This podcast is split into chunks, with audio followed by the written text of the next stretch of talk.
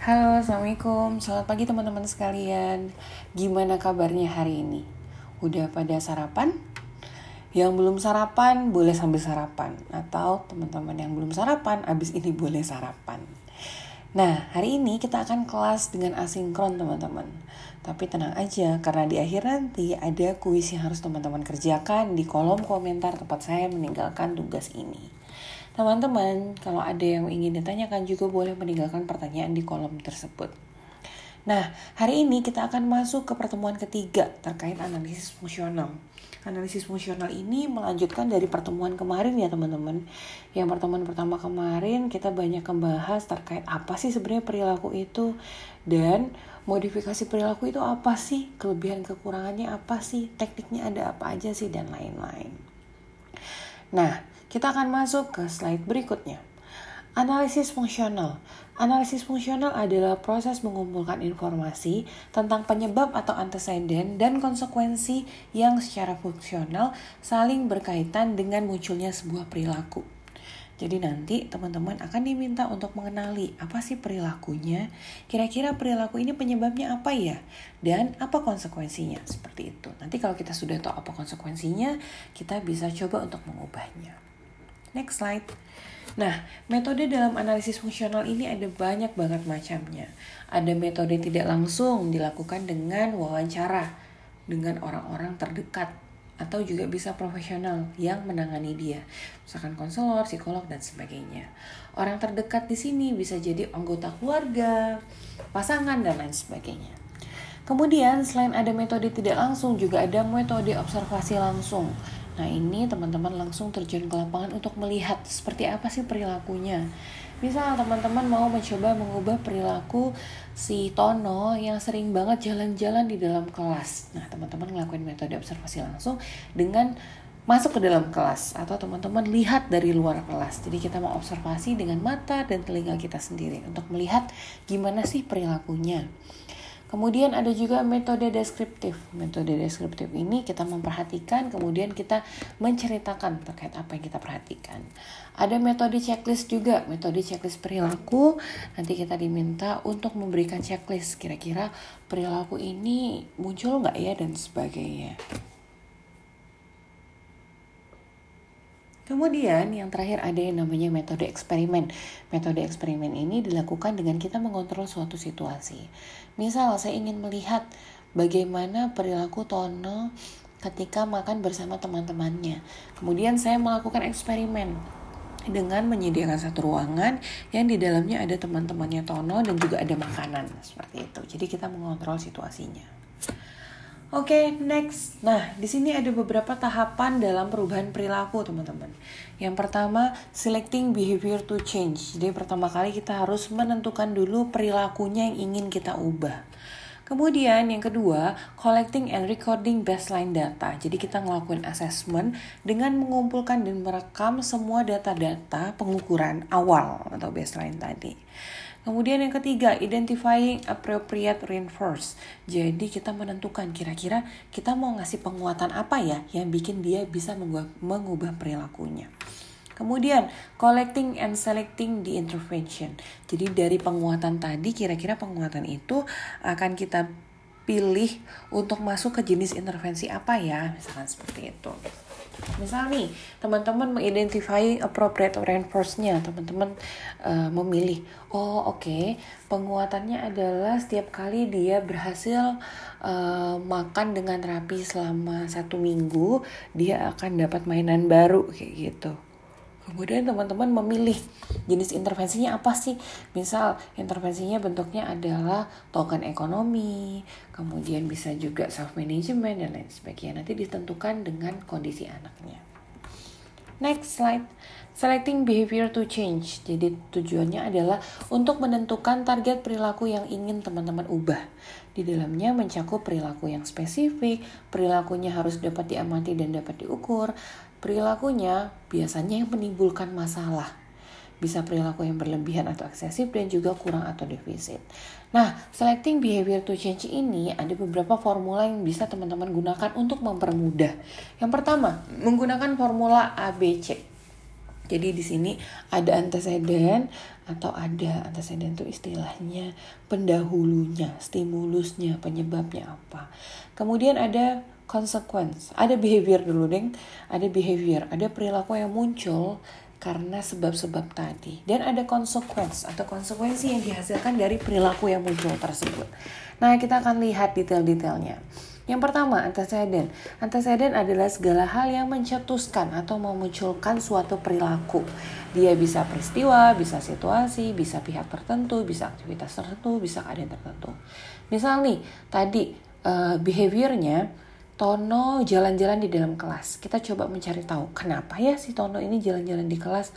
Oh, ternyata antecedennya adalah karena dia selalu terdistrak fokusnya terpecah setiap kali melihat benda berwarna merah misalkan kayak gitu misalkan antecedent seperti itu kemudian behavior adalah apa yang orang lakukan dan katakan biasanya ada dimensi frekuensi intensitas durasi dapat diamati dijelaskan dan sebagainya jadi behaviornya tadi Tono jalan-jalan di dalam kelas. Berapa sih frekuensinya? Seberapa sih intensitasnya, durasinya gimana sih, latensinya gimana, dan sebagainya. Kemudian ada konsekuensi juga, kejadian yang terjadi setelah munculnya suatu perilaku.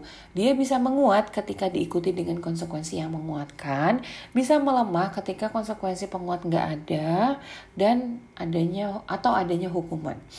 Nah, konsekuensi ini misal tadi Tono jalan-jalan di dalam kelas karena melihat benda-benda berwarna merah.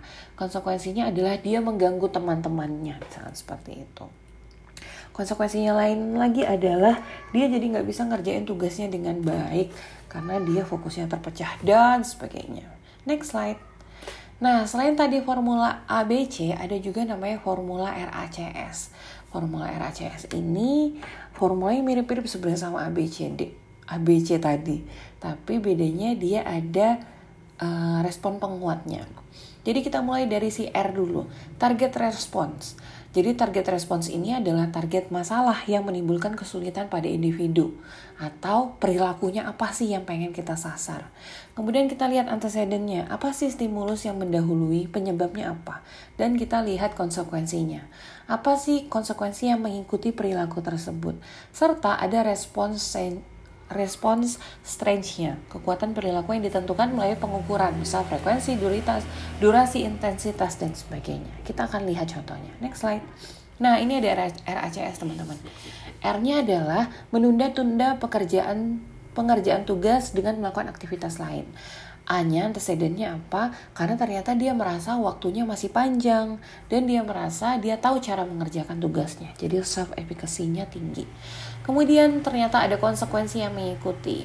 Konsekuensi negatifnya banyak kesalahan penulisan saat bikin tugas, hasil akhir tugasnya nggak maksimal, ngerasa nyesel karena nggak mengerjakan tugas. Tapi ada juga konsekuensi positif nih yang biasanya menguatkan perilaku tersebut. Konsekuensi positifnya bisa nonton film Korea, kemudian bisa ganggu adik dan ngobrol. Nah, Perilaku si menunda-nunda pengerjaan tugas ini terus-terusan dilakukan karena ternyata ada respon strange-nya. Yang pertama, dorongan untuk melakukan perilaku menunda pengerjaan tugas adalah 9 dari skala 10. Jadi dia merasa susah banget nih udah dikontrolnya. Perilaku bermula sejak lima tahun lalu setiap kali kalian mendapat tugas dari dosen di jenjang sarjana. Nah, respon strange ini juga muncul karena ada konsekuensi positif dan negatif yang langsung dirasakan atau baru dirasakan di masa yang akan datang. Di respons range ini teman-teman juga bisa masukin durasi. Durasi dia uh, nunda-nunda pengerjaan tugas itu biasanya sampai tiga hari.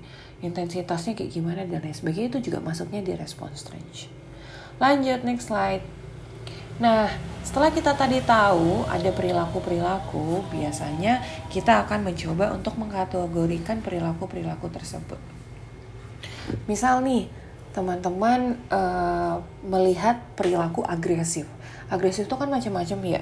Jadi agresif ini label orang agresif ini harus ditelurkan dalam bentuk perilaku yang konkret. Biar teman-teman nanti bisa observasi. Bisa berteriak mukul ngelempar berlari merotot dan sebagainya. Pemalas jeda waktu antara kapan seharusnya dengan kapan senyatanya sebuah tindakan dilakukan dan sebagainya. Jadi kalau teman-teman melihat suatu perilaku yang ingin diubah tadi tuh ada respon, ada behaviornya, ada target stage-nya, kemudian teman-teman harus menelurkannya dalam bentuk perilaku. Next slide. Nah, ini tadi teman-teman. Ada ukuran dari perilaku tersebut, ada dimensi perilakunya. Dilihat dari durasi, dilihat, dilihat dari frekuensi, dari intensitas. Frekuensi udah tahu lah ya teman-teman, seberapa sering sebuah tindakan muncul, durasinya berapa lama. Latensi ini tenggang waktu antara stimulus dengan perilaku target. Contohnya latensi itu misal nih, uh, waktu antara stimulus dengan perilaku target. Misal antecedennya Tono ngelihat benda-benda berwarna merah di dalam kelasnya. Nah, latensi ini adalah berapa sih waktu antara waktu antara uh, Tono ngelihat benda warna merah dan dia jalan-jalan. Misal nih, dia butuh waktu sekitar 3 detik untuk kemudian dia jalan-jalan. Nah, itu dicatat. Intensitas juga seberapa keras, seberapa kuat, seberapa jauh, dan seberapa banyak. Next slide. Akibat. Nah, ini konsekuensi tadi. Akibat yang diperoleh setelah perilaku itu terjadi. Jadi ada pengukur sosial dan juga ada pengukur otomatis. Pengukur sosial, hal positif dari orang lain, misal hadiah, memberi hadiah, memberi benda, pujian, perhatian, senyum, dan lain-lain. Ada juga pengukur negatif, hal negatif dari orang lain, misal teguran, hukuman, pembatasan akses, dan sebagainya.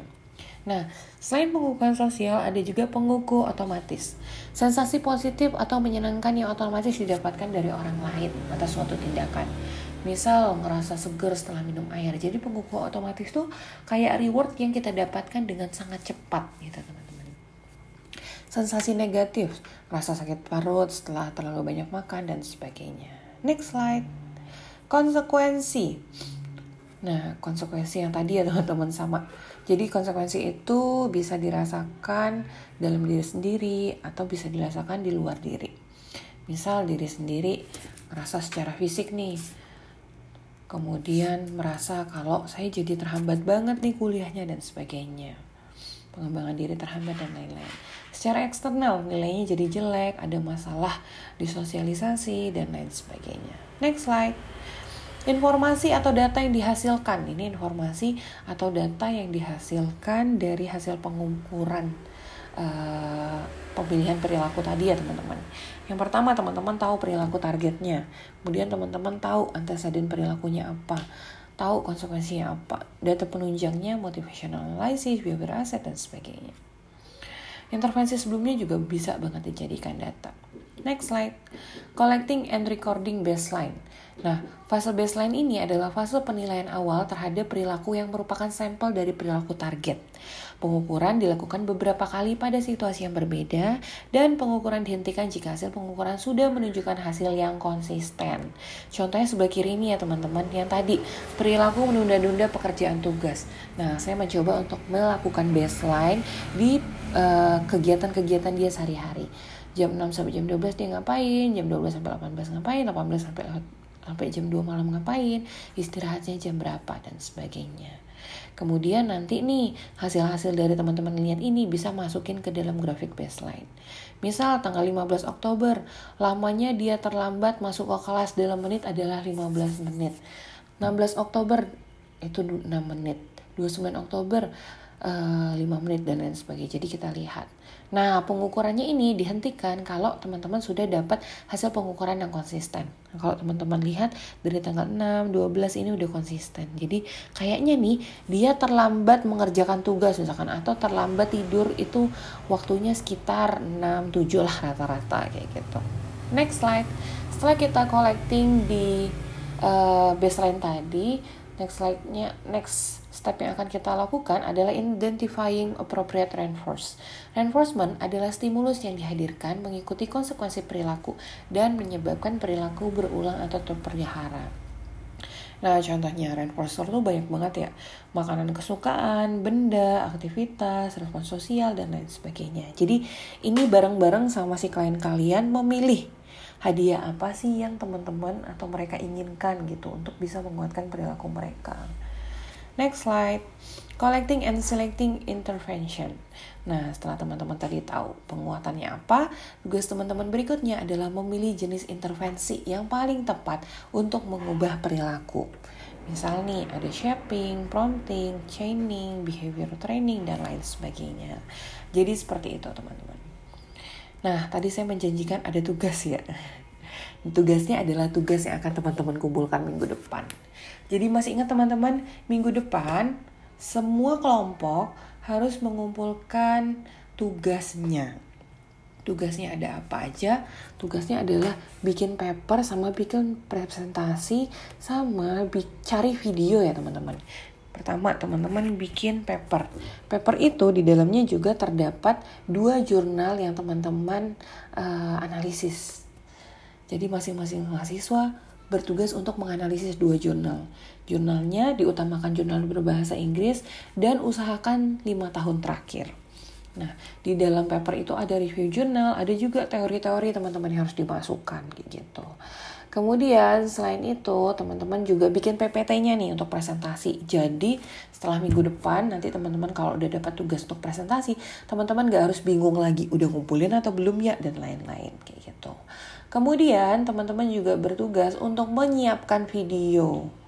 Jadi menyiapkan video yang akan teman-teman tayangkan pas nanti presentasi. Seperti itu ya teman-teman. Terima kasih banyak untuk uh, atensinya hari ini. Jangan lupa tugasnya disiapkan karena waktunya hanya satu minggu kan teman-teman. Ya dari minggu-minggu kemarin lah. Hitungan kalau dari hari ini tinggal satu minggu ya teman-teman.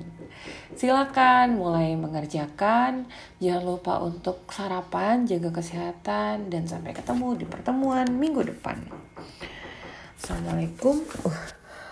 Saya tutup dengan wabillahi taufiq wal hidayah. Wassalamualaikum warahmatullahi wabarakatuh.